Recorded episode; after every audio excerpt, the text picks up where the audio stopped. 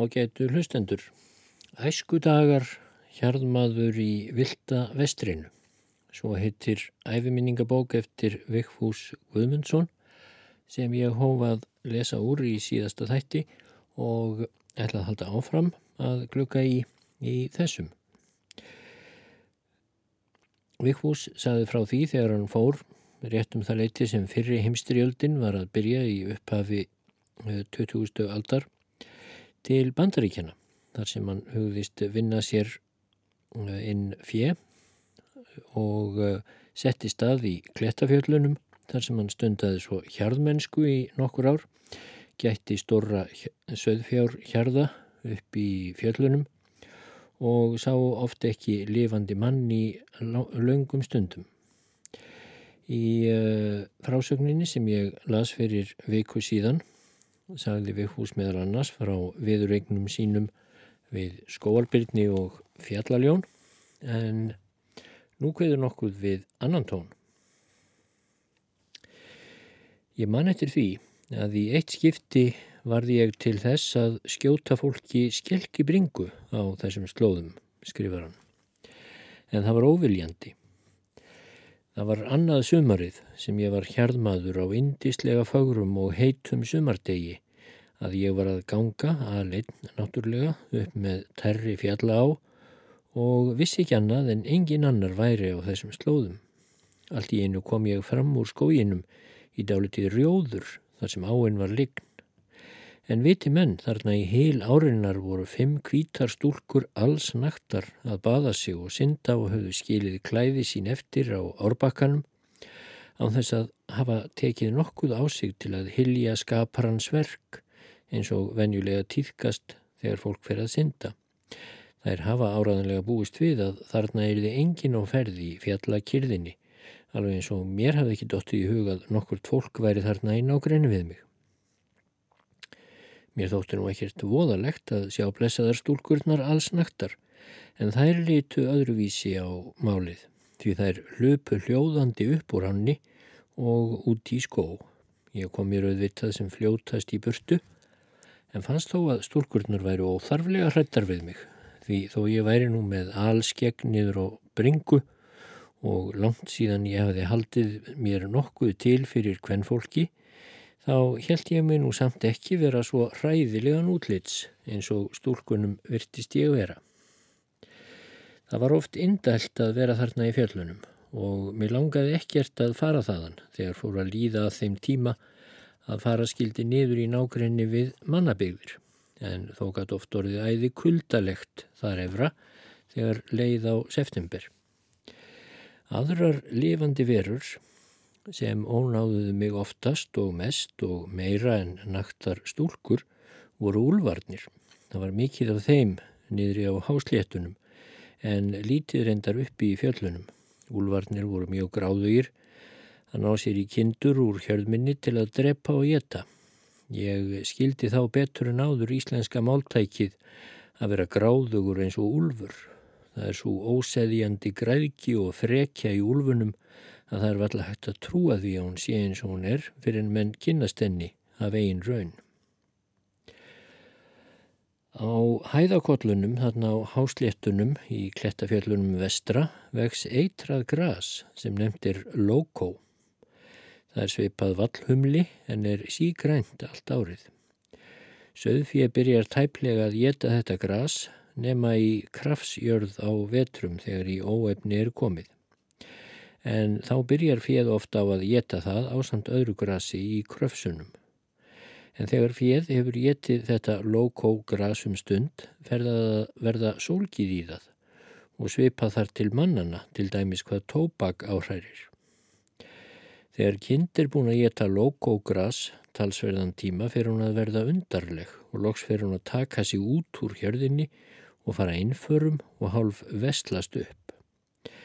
Þannig geta eðilagst halvar og heilar hjarðir af því þær hafa ferð að geta eitraða grasið loco. En þegar hjörð sem vanist hefur á loco er flutt í annað hérað þar sem ekkert loco vex, þá smá batnar henni aftur. Þegar menn eru utan við sig og eitthvað rugglaðir þar vestra er oft kallað að þeir séu loco það er vist tegund af vittleysu. En orðið er komið úr spænsku og þýðir, þýðir þar vittlaus, brjálaður eða eitthvað þess áttar. Þegar lókókindur fara að taka sér út úr hjörðinni og fara innförum, þá verða þeir oftast úlfunum fljótt að bráð, því allstaðir eru þeir til tags þar sem slík bráð er náleg og annars sitja þeir svo um fjárhjærðirinnar venjulega að það þarf mjög mikla aðgæðslu hjærðmannsins ef úlvarnir eiga ekki að ná kindum úr hjörðinni niðri á hásléttunum. Einnig er oftið mesta ónæði að úlfunum frammettur öllum nóttum þannig ekki er hægt að sofa fyrir þeim. Oftast er tjald eða kampvagn okkar hjærðmannana í lægðum eða grunnum dalverpum og hjörðin er þar hjá á nóttunni. Strax og dimtir orðið byrjar hinn versti kæftagangur úlvanna á hæðunum umhverfis. Og þeir halda ofta áfram fram á miðjar nætur. Þó að nokkrum skotum sé skotið í áttin að þeim, þá þagnar kæftagangur úlvanna ekki nema stundar korn, þar til hann byrjar á nýji nokkuð meiri fjarlægð sem smá stittist þar til hann er komin svo nærri sem úlvarnir þóra. Þetta er mjög oft til versta ónæði, er stelur öllum svefni frá hjarðmanninum langt fram eftir nóttu. Eina skemmtunin sem fæst af úlfunum er að horfa á eldingaleik þeirra við hérana. Enganlega er gaman að horfa á eldingaleikin þegar hann blasir vel við augum í hlýð eða halla framöndan sjónum manna. Úlfurinn er fljótar að hlaupa en hérinn en aldrei sá ég samt Úlf ná héra svo lengi sem kapplaupið stóð. En auglust verður þó hérinn stundum að lúta í lægra haldi fyrir Úlfunum, engum þegar hann uggir ekki að sér eða kúrir við runnan sinn sem hann gerir svo oft í mesta ró og næði. En þegar héri og Úlfur þreita kapplaup upp á líf og dauða er gaman að sjá til þeirra. Úlfurinn dregur hérann smám saman uppi á beinum spretti en þegar úlfurinn er komin alveg að hérannum og ókunnugir búast við að hann remmi hérann á hverju andartæki þá hoppar hérinn allt í einu eldsnögt til hliðar. En úlfurinn sem er miklu lengri þýtur áfram eftir bytni línu án þess að geta veitt hérannum strax eftirför. Við það lengist bylið millið þeirra allt í einu og nýtt kaplaup hefst. Þarna á þessum slóðum var lítið um mannvirki en fáein eldri mannvirki voru þó þarna á hásléttunum engum grjótbyrki indíjánana sem ég nöyt talsverðs góðs af. Meðan þeir höfðu reyka þarna einir mannverum háslétturnar höfðu þeir víða á allra vinalegustu stöðunum mest í fríðum kvömmum við smá ára eða læki hlaðið einhlaðin grjótbyrki um einn metra á hæð. Þeir höfðu víst gert það til að skíla tjöldum sínum og stundum sótt grjótið þau allanga leið. Þessi byrki stóðu enþá og þótti mér gott að tjálta inn í þeim því þar var svo gott skjól þó að vindar blésu. En nú voru tekinn að rýsa upp mikil mannvirki þar sem mest byggð kvítramanna var komin. Þar á meðal var bærin Big Timber þar sem ég var einn vor tíma og þar vann ég við að reysa stórt hús sem þar var verið að byggja og kynntist ég þá talsvert vinnulagi og haksíni við byggingar þar vestra þótt líkt tækist mér að tilenga mér það. En samt var það eftirbreytnisvert á ímsan hátt. Þessi litli bær, Big Timber, var óðum að vaksa þau ár sem ég var umhverfisann og var hann helsta kauptúnið í nágrenninu. Í honum voru þá meðal annars sjö sölubúðir sem seldu ekkert annað en öl og áfengi og tvö veitingahús eða hótel sem seldu áfengi og aðrar veitingar. Í bænum var einnig ofinbert vændiskvennahús undir ofinberu lækniseftirliti sem talið var að væri mjög fjölsótt. Eftir að ég fór að kynnast lífinu þarna vestra lögðu ímsir að mér, þeir sem voru á sveipiðum aldri og ég, að koma með sér í þessa mikið umtöluðu stopnun en aldrei lagði ég í að þekkjast það bóð. Mér fannst einhver ófremd í að fara þangað. Þótt ekki þyrti ég að ræðast að það fréttist til kunningja minna heima á Íslandi.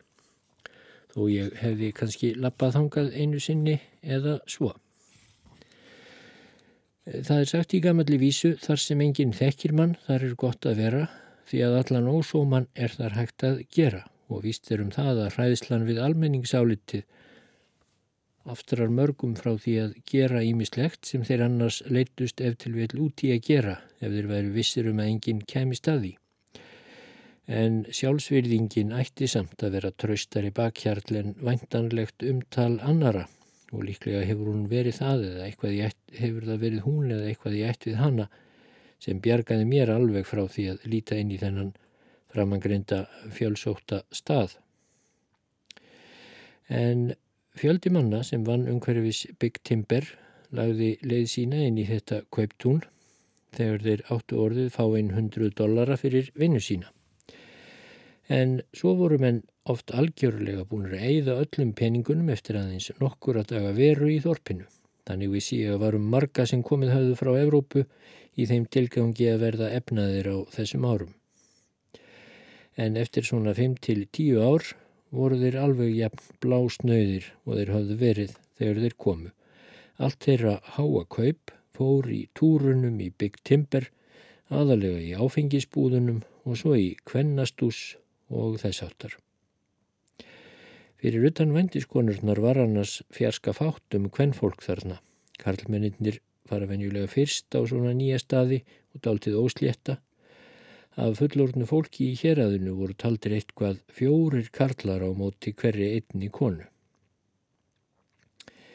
Indjánar voru nær engir um hverfis kauptúnið en hjá þeim var álíka margt af báðum kynjum. Þeir byggu í hverfum útaf fyrir sig úti á landsbygðinni og blönduðust lítið saman við kvítafólkið. Það sem ég kynntist indjánunum þar vestra voru yfirleitt hreinkynja indjánar, það er óblandaðir en ég hef kynst því síðar að versta fólkið er venjulega blendingur af mjög fjarskildum þjóðflokkum. Ég kynntist indjánum helst upp til fjalla á sumrin. Þar voru stundum dállir flokkar af þeim í tjöldum sínum. Það var fólk á besta aldri, því gamalmenni og börn voru kyrr heima í kvotum þeirra og fóru ekki til fjalla. Indjánarnir voru einstakasinnum nágrannar mínir, þar efra. Til dæmis var einn flokkur í 10-12 daga í svona kílometters fjarlag frá mér við sömu ána í sama dalnum þar sem ég hafði náttból fyrir fjárhjörðu mína og sjálfan mig. Í rauðskinnahópnum voru um 40 manns, karlar og konur. Þetta var ungt fólk, kátt og fjörugt. Þar sem svona stutt var á milli mín og þess þá heimsótti ég flokkin ofta á kvöldin þegar ég var búin að borða og allt var komið í ró skildi ég þá hundana mína eftir við tjaldið og hengdi lukt með ljósi út í tré sem næst hjörðinni eins og síður var oftast þegar við hjörðmennirnir fórum frá hjörðunum að nætturlagi. Vannin var sá hjá indjánunum að karlmennirnir voru á veiðum á daginn, með stýraveiðum, dáltið sílungsveiðum einnig, en hvern fólkið undirbjóð fyrir kvöldið heima við. Það dró meðal annars heilmikið að viði í tvo kesti á allstóri grund þar sem flokkurinn bjó. Annar kosturinn var orðin fremur stóra kvöldi en hinn fremur lítill. Eftir að karlmenninir voru komnir heim í ljósaskiptunum var kveikt í litlakestinum. Veiðin var jáfnframt búin til steikingar á eldin og síðan farða steikjana á minni viðarkestinum og þegar búið var að matbúa lagðist fólkið umhverfis bálið og tók til að snæða. Að snæðingi loknum lágu indjánarnir góða stund umhverfis eldin og letu fara vel um sig. En þegar búið var að likja þarna talsverðan tíma, þá var kveikt í stóra viðarkestinum og varð brátt af bál mikið, svo að of heitt varði næstan ákrenni við það, en þá dreifðist fólkið út um grundina. Nú upphófust miklar skemtanir og allmikill gleðskapur og ymsanhátt við liftur skín bálsins. Og þá var oft komin í hópin einn kvítur maður frá nákrenni við Norðurpólinn. Hlaupið var hoppað og snúist, dansað og döblað. En full heitt var umhverfis eldin fyrst í stað, þegar hægt var að mynda ring umhverfis bálið, þá var það oft driksta skemmti aðtriðið að stíga eða hoppa umhverfis bálið með háfaða og erslum heldust þó allir í hendur þannig að hver karlmaður hafði konu við kora hlið og hver kona karl við kora hlið sína. Þótt sá kvíti, Svartnesi frá Norðurpólnum, hafi yfirleitt ekki verið neitt hvenna gull um æfina, þá þóttunum alveg nógum hver þær rauðleitu sóttu fast á að komast næstar honum og halda í hendur hans í þessum dansi. Og fleira þess áttar var það sem myndan á brúsastadamegjar í borgarfyrði í gamla daga en indjánastrákarnir tóku óþarflega mikið eftir þessari ásókn kvennfólksins og verðu sumir þeirra svo ábyrrandi afbríðisamir að sá kvíti verðalokum smekur um að öryggið fyrir hann væri ekki tröst. Nó var af bissunum indjánanna rétt við höndina og kvarfan stundum úr hópnum fyrir en ella af þessum ástæðum. En alltaf síðan þetta var er mjög hugljúft að minnast rauðleitu stúlknana í leikjum og dansi umhverfis bálinn í fárum dal hjá fjallabláum ströymi vestur í Klettafjöllum.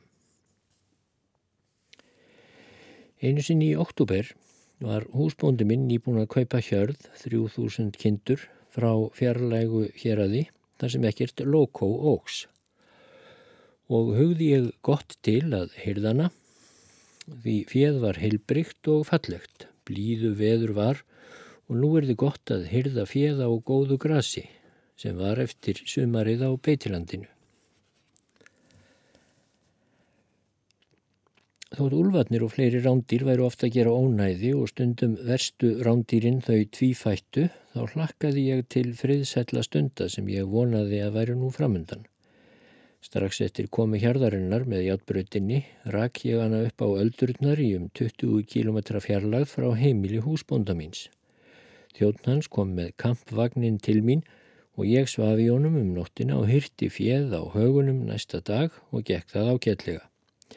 Svaf svo næstu nótt aftur í vagni mínum á þess að nokkuð bæri til tíðinda. Var því ekkert varfið að nokkur maður væri þarna í nágrenninu. Fjeð rann á leið frá bólinu í byrtingu út í hagan skamt í burtu og yfir dálta öldu stutt frá sem byrði útsýnið yfir framhluta hjarðarinnar frá bólinu. Ég fylgdi því svo eftir en þegar ég kom yfir ölduna brá mér heldur í brún. Þeim megin hafði þá verið hjörð, önnur hjörð sem nú var komin saman við mína og brátt komi í ljós tveir menn á hestum búinir alvæpni átti ég nú talvið á og skildi fljótt að þetta voru ræningar sem höfðu af ásettu ráði haft fjesitt þarna svo að hjarðirnar færu saman. Þeir heimtuðu nú að fá að fara með allt fjöð í sundurdráttar rétt sem þeir hefðu ekki mjög langt frá. En ég vildi ekki samþykja það. Mitt fjöð var alveg ómert og ætlaði húsbóndi minn að koma upp ettir og hjálpa mér að merkja fjöð í réttum sem hann átti og voru þær í eitthvað um fjögura til fimm kílometra fjarlagð frá, frá þeim stað þar sem ég var nú og í gagstæðri átt við þessum tímenningarnir sögðu að sína réttir væru. Uppást nú þjark millir okkar þryggja, ég reyndi að standa fyrir hjörðunum með hundum mínum allt hvað ég gatt, en hinnir tveir íttu og fjöð með sínum hundum eins og þeir gáttu og þokaðist fjöð hægt og hægt í áttina sem þeir vildu láta það fara. Þeir voru hinnir verstu annar þeirra kom hvað eftir annað flengriðandi fast að mér skammaðist og hótaði að draga upp hlaðna skambissu sína hvað eftir annað og rétt hana upp spentaðað hausmínum nokkrum sinnum. Ég vildi ekki með nokkur móti láta undan.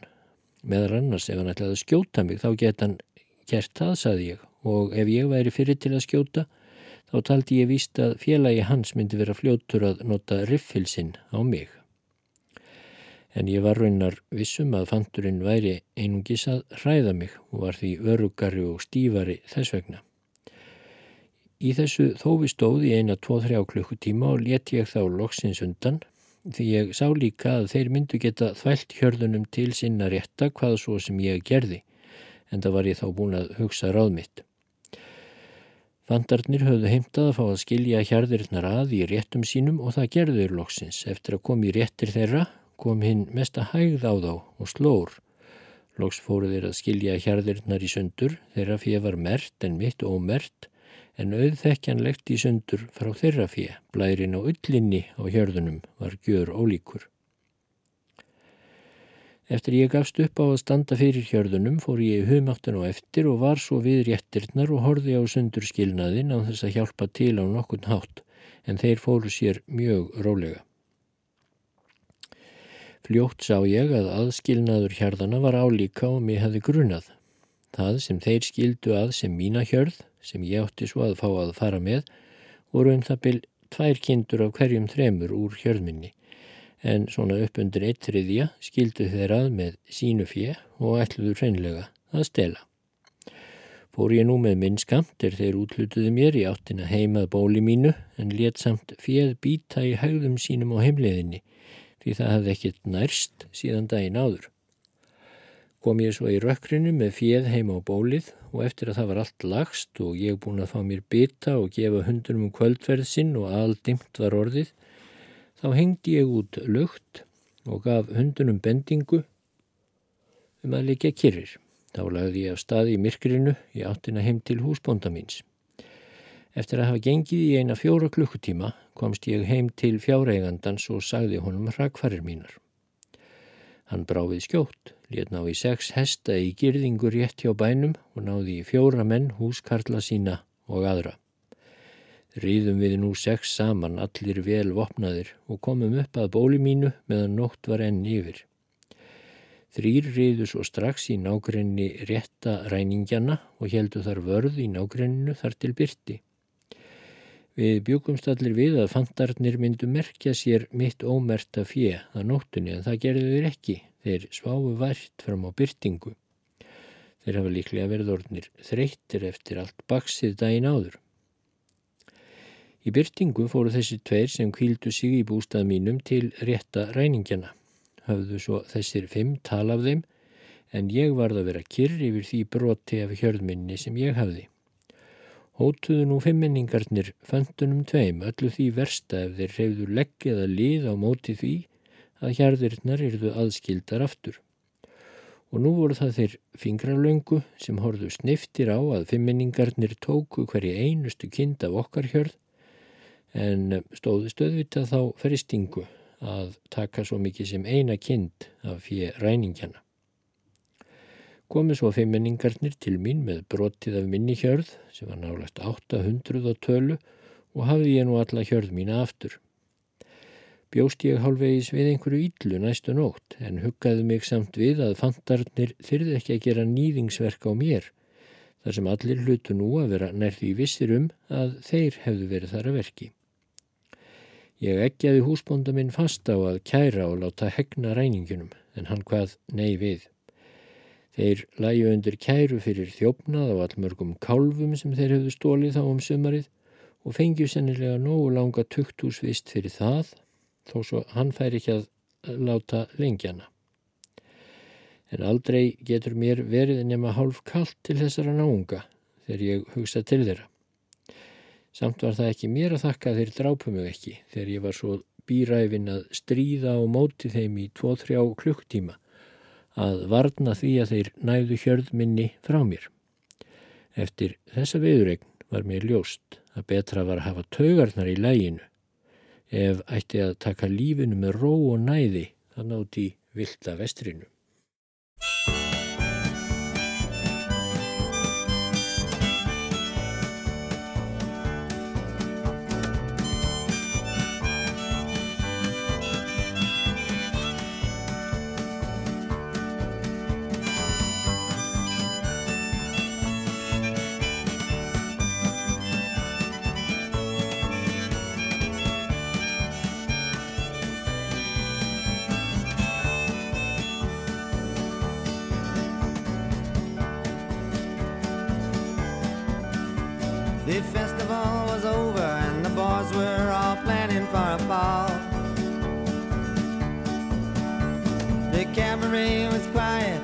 Except for the drilling in the wall. The curfew had been lifted and the gambling wheel shut down. Anyone with any sense had already left town. He was standing in the doorway, looking like the jack of hearts. He moved across the mirrored room, set it up for everyone, he said. everyone commenced to do what they were doing before he turned their heads. Then he walked up to a stranger and he asked him with a grin, Could you kindly tell me, friend, what time the show begins? Then he moved into the corner, face down like the jack of hearts. Backstage, the girls were playing five cards, stood by the stairs. Lily had two queens, she was hoping for a third to match her pair. Outside the streets were filling up, the window was open wide. The gentle breeze was blowing, you could feel it from inside. Lily called another bet and drew up the jack of hearts.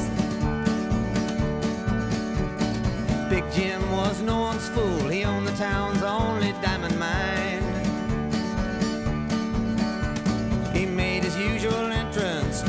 So dandy and so fine. With his bodyguards and silver cane in every herring place, he took whatever he wanted to and he laid it all to waste. But his bodyguards and silver cane were no match for the Jack of Hearts. Rosemary combed her hair and took a carriage into She slipped into the side door, looking like a queen without a crown. She fluttered her false eyelashes and whispered in his ear, Sorry, darling, that I'm late, but he didn't seem to hear. He was staring into space over at the Jack of Hearts. Í annað skipti komst ég í hann krappan, skrifar Vigfús, við Íran okkur sem átti stóra nautgripahjörð er gekkað mestu á opnu landi út frá bíli hans þarna í Klettafjöllunum. Þó að allt landið væri grasi vafið hundruð kílometra í allar áttir, þá var þetta sífælda stríðum beitina. Einu sinni dag nokkur, í þokku og rigningar súld, kemur íri þessi flengriðandi til mín þar sem ég gæti hérðar minnar og skipar mér í burtu með hjörð mína sem hafi dreft sér á beit þarna skamt frá. Ég held nú að hann ætti ekki mikið með að reka mig í burtu, þar sem hann ætti ekki nokkurt strá á þessu landi fremur en ég. Og það var ég líka alveg vissum að var rétt.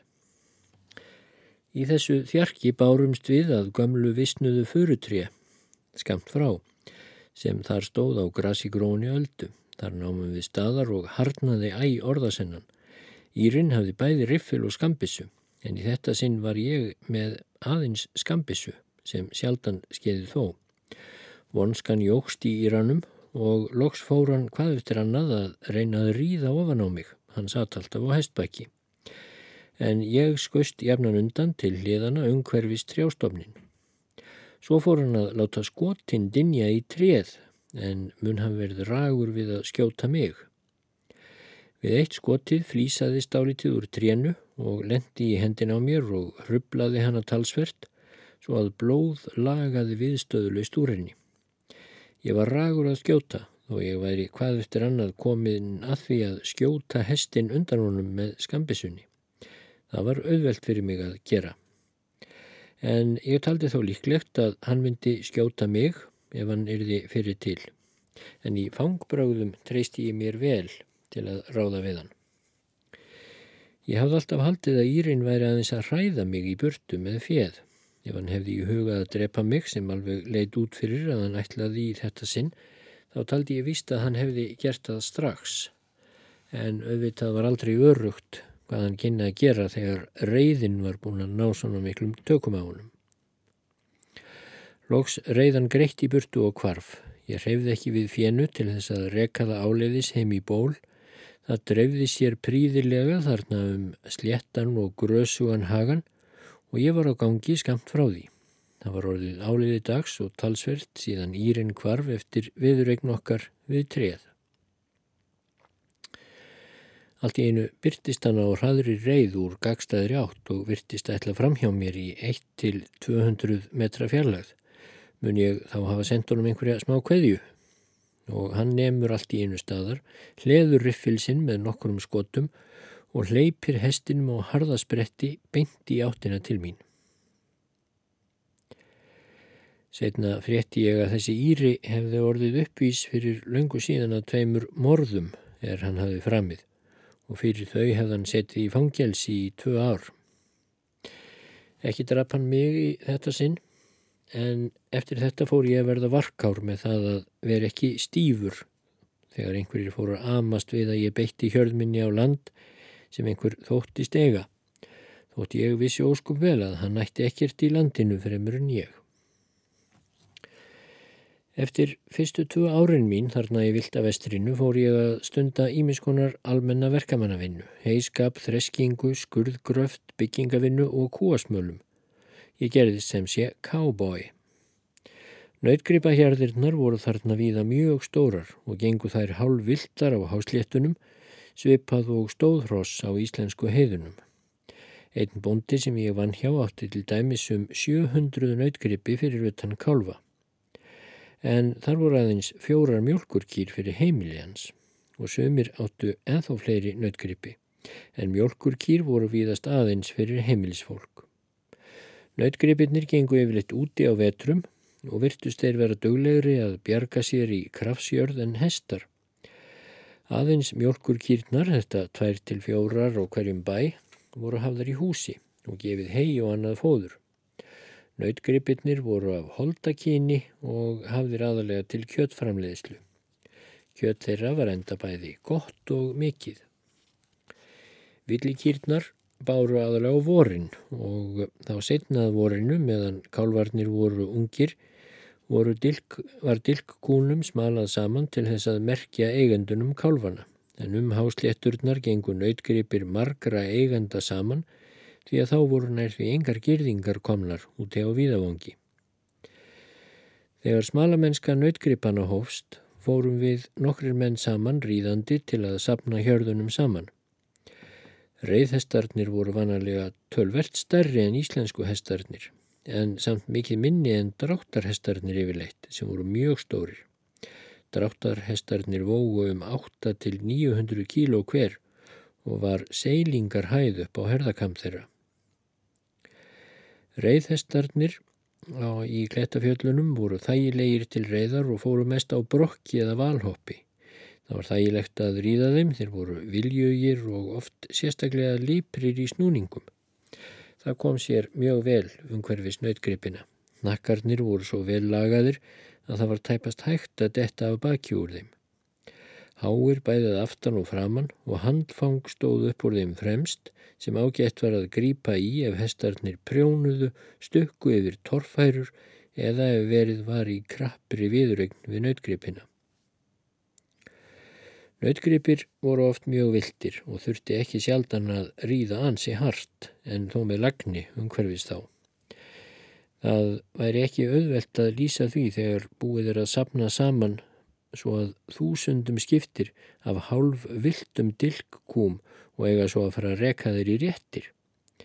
Þegar þarf til dæmis að beigja hjörðina í vinkilbeigju þá er ekkert vit að ætla að gera það allt í einu. Þá riðum við allir kúreikarnir fram með annari hlið hjarðarinnar og reyndum að beigja fram arm hjarðarinnar smám saman til dæmis til vinstri hliðar en það tók oft talsverðan tíma og barst allangan veg áfram þánga til tókst að koma fram armi flokksins í heila vingil beigju. Það er tæpast hægt fyrir ókunnu að gera sér grein fyrir þúsunda hjörð hálf vildra nautgripa sem getur verið stórkostleg og örðug viðfangs þar sem hún bylgjast áfram beint eftir sléttunum. Ég veit ekki hvað væri helst hægt að líka við öllum þeim stór skrokka gangi sem æðir fram í trillingi oftast í beina stefnu þegar komin er verulegur skriður á hjörðina. Helst væri það líklega foráttu breym þar sem hver aldan af annari skellur að landi með helja rafli. Það verður oft í þessari kúasmölun að ríða eins hratt og klárarnir mögulega geta stokkið og þegar loksins er komið með hjarðurnar að réttunum þá tekur ekki betra við. Hver einstaklingur er talsvert mikið stærri en íslenskir nautgripir. Allir eru þeir af holdakyni og er nautakjöttið þeimun betra þarna vestra en hér á landi. En aftur á móti er söðfjárkjöttið verra þar en hér. En eftir oft mikinn og spennandi eldingaleik komum við kúasmalarnir, cowboys, venjulega hjörðunum í réttirinnar. En þar var einnig heilmikið slarkað merkja kálvana réttum eigendum. En þó var það enþá verra á haustin þegar smalað var til þess að skilja í sundur þá gripi sem átt að fara til slátrunar og þá sem átt að setja á vetur. Það mér oft hafi verið talsverður beigur í ungumönnunum í byrjun við kúasmölunina og réttadrastlið í kúaréttunum. En ímsum þótti talsverð tilbreytni í þessu og var tíðrætt um kúasmölun og réttir á líka á bílstjórum um bílferðir og lagsveiðimönnum um lagsveiðar. En mín reynsla er að þeim mönnum sé óvenju kert umræðuefni sitt og mælskan komist hjá þá mörgum á óvenjulega hátt stig. Þó að talsvert væri meira æsandi að vera á góðum og fjörugum reyðhestum um hverfis nautgripa hérðirnar en að vera um hverfis heið friðsama söðfjö sem ég hafði synt fyrstu árin þar vestra, þá kunni ég þó allir betur við mig hjá hennum friðsömu söðahjörðum. Ef til vill hefur það verið af gamlum vana heima, heiman frá eskustöðunum á Íslandi.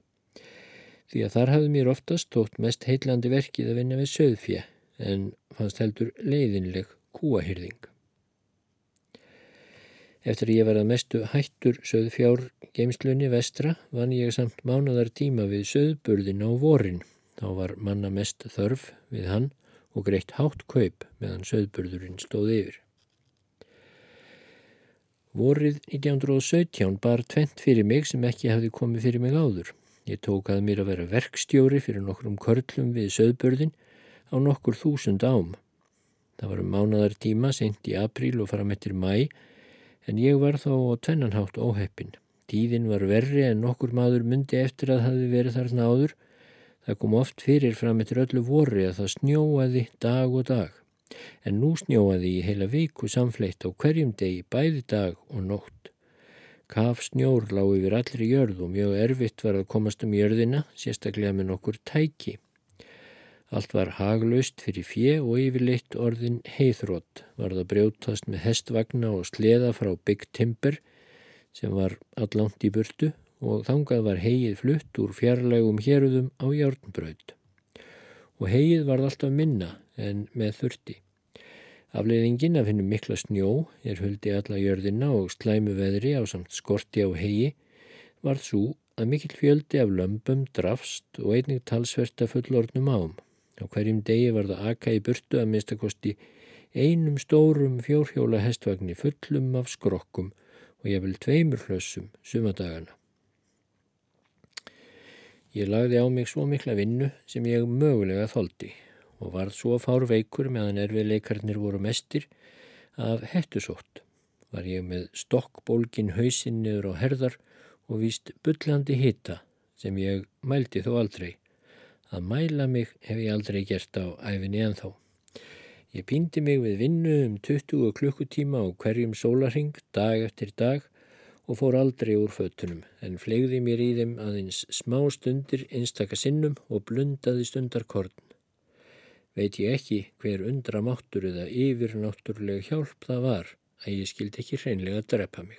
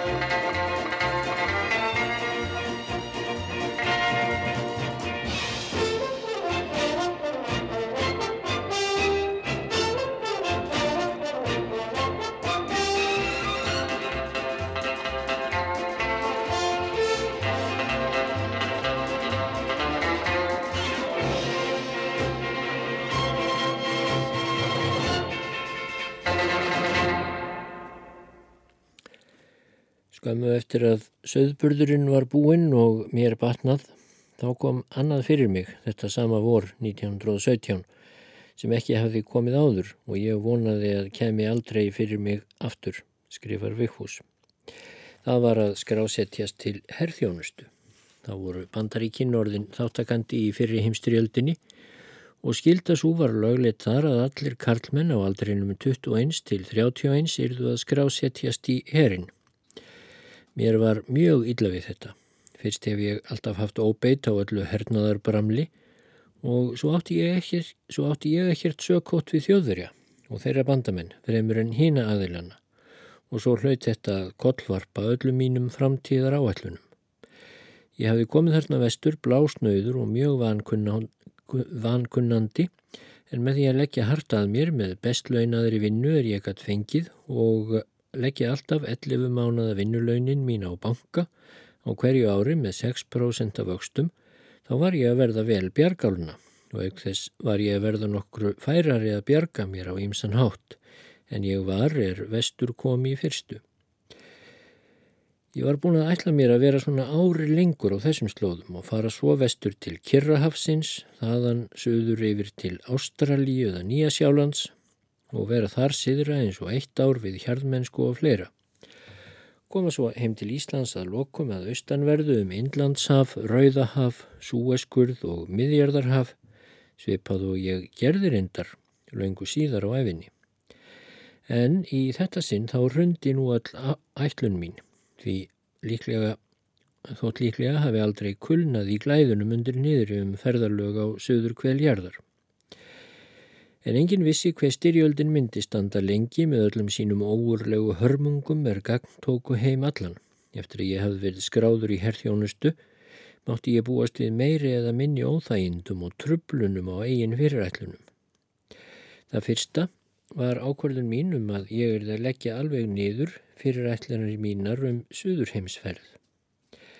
Allir sem skráðir voru til herþjónustunar fengu einhver viss númer Við skrásetninguna höfðu við orðið að gangundir lækniskoðun og ymsa prófun. Ég hafi verið svo heppin að kynast áltið persónlega yfirmanninum eða the sheriff við skrásetninguna í héradinu sem hafði mest með þessi málað sísla þar. Það var myndarlegur og ágetur þjóðvergi en auðvitað ríkisborgari þarna vestra í bandaríkunum. Lék orð á því að þjóðverjanu myndi fullt eins kær ættjöra sín eins og fósturlandið og væri því ekki ókært að greiða fyrir þeim sem lítið væri um að fara í stríði til að berjast á móti þjóðverjum. En eins og ég hef áður getið var varla nokkur kvítur bandaríkjamaður til á þessum slóðum og þar var sennilega ráðuningin á því að þýsk ættaður maður var hafður í aðsta ennbætti héraðsins sem skrásetningin í herin heyrði undir. Ég laði nú að áliðinu sumri leið mína til þessa fókjeta hér aðsins og fór bónarvegin til hans að segja mér hvaða númer ég væri í skrásetningunni. Hann tók því vel og fór að leita í skrám sínum og saði mér síðan að ég væri þar númer 135 og gæti ég að því reiknað út að ég erði í næsta útkalli og erði ekki, ekki til setunar bóðið baði ég nú þjóðverjan að vera svo vinsamlegan að hjálpa mér að komast í burtu. Ég ætlaði að fara til ættingi og vina norður í Kanada og svo þaðan heim til foreldra minna og eskustöðva sem væri norður á Íslandi. Þessi myndarlegi og ágæti þjóðveri tók mér með mikill í vinsemd og hjálpsemi og gaf mér svo gott meðmælabref að það myndi hjálpa mér að komast burt. Ég fór nú bráðulega að búa myndir burtför mína, norður yfir landamerki Bandaríkjanna og Kanada og loksum mánaðamótin september-oktober 1917 hvati ég þessar nú orðið mörg mínar kæru slóðir þar sem ég var nú búin að dvelja á hérum bil hálft fjórða ár. Ég er nú að spyrja mig eiginlega í fyrsta sinn, núna, gerði ég rétt, ungur maður, þegar var yfir, þegar komið var yfir örðugasta hjallan í bandaríkunum að fara þá alfarin þaðan og heim til Íslands. Í bandaríkunum blöstu við mér mikil tækifæri í þá daga. Það minnstakosti til þess að verða auður. Mér stóð til bóða stort og gott land næri því gefins. Þar sem upplagt var að koma upp stórri sögðahjörð, jafnvel nokkur um þúsundum fjár. Og fjármennska hefur mér alltaf fallið allra verka best frá því ég var smádrengur. Aðstæðurnar voru vissulega góðar. En ég kaus að fara heim og var ekki í vafa um valið, þótt að væri þvert á móti, þvert á móti vali flestra Íslendinga sem höfðu farið til Vesturheims til að reyna að verða efnalega sjálfstæðir menn. En vissulega er það svo að í faðmi klettafjallana hefði ég helst viljað eiga heima utan Íslands af öllum þeim stöðum sem ég hef enþá augum litið.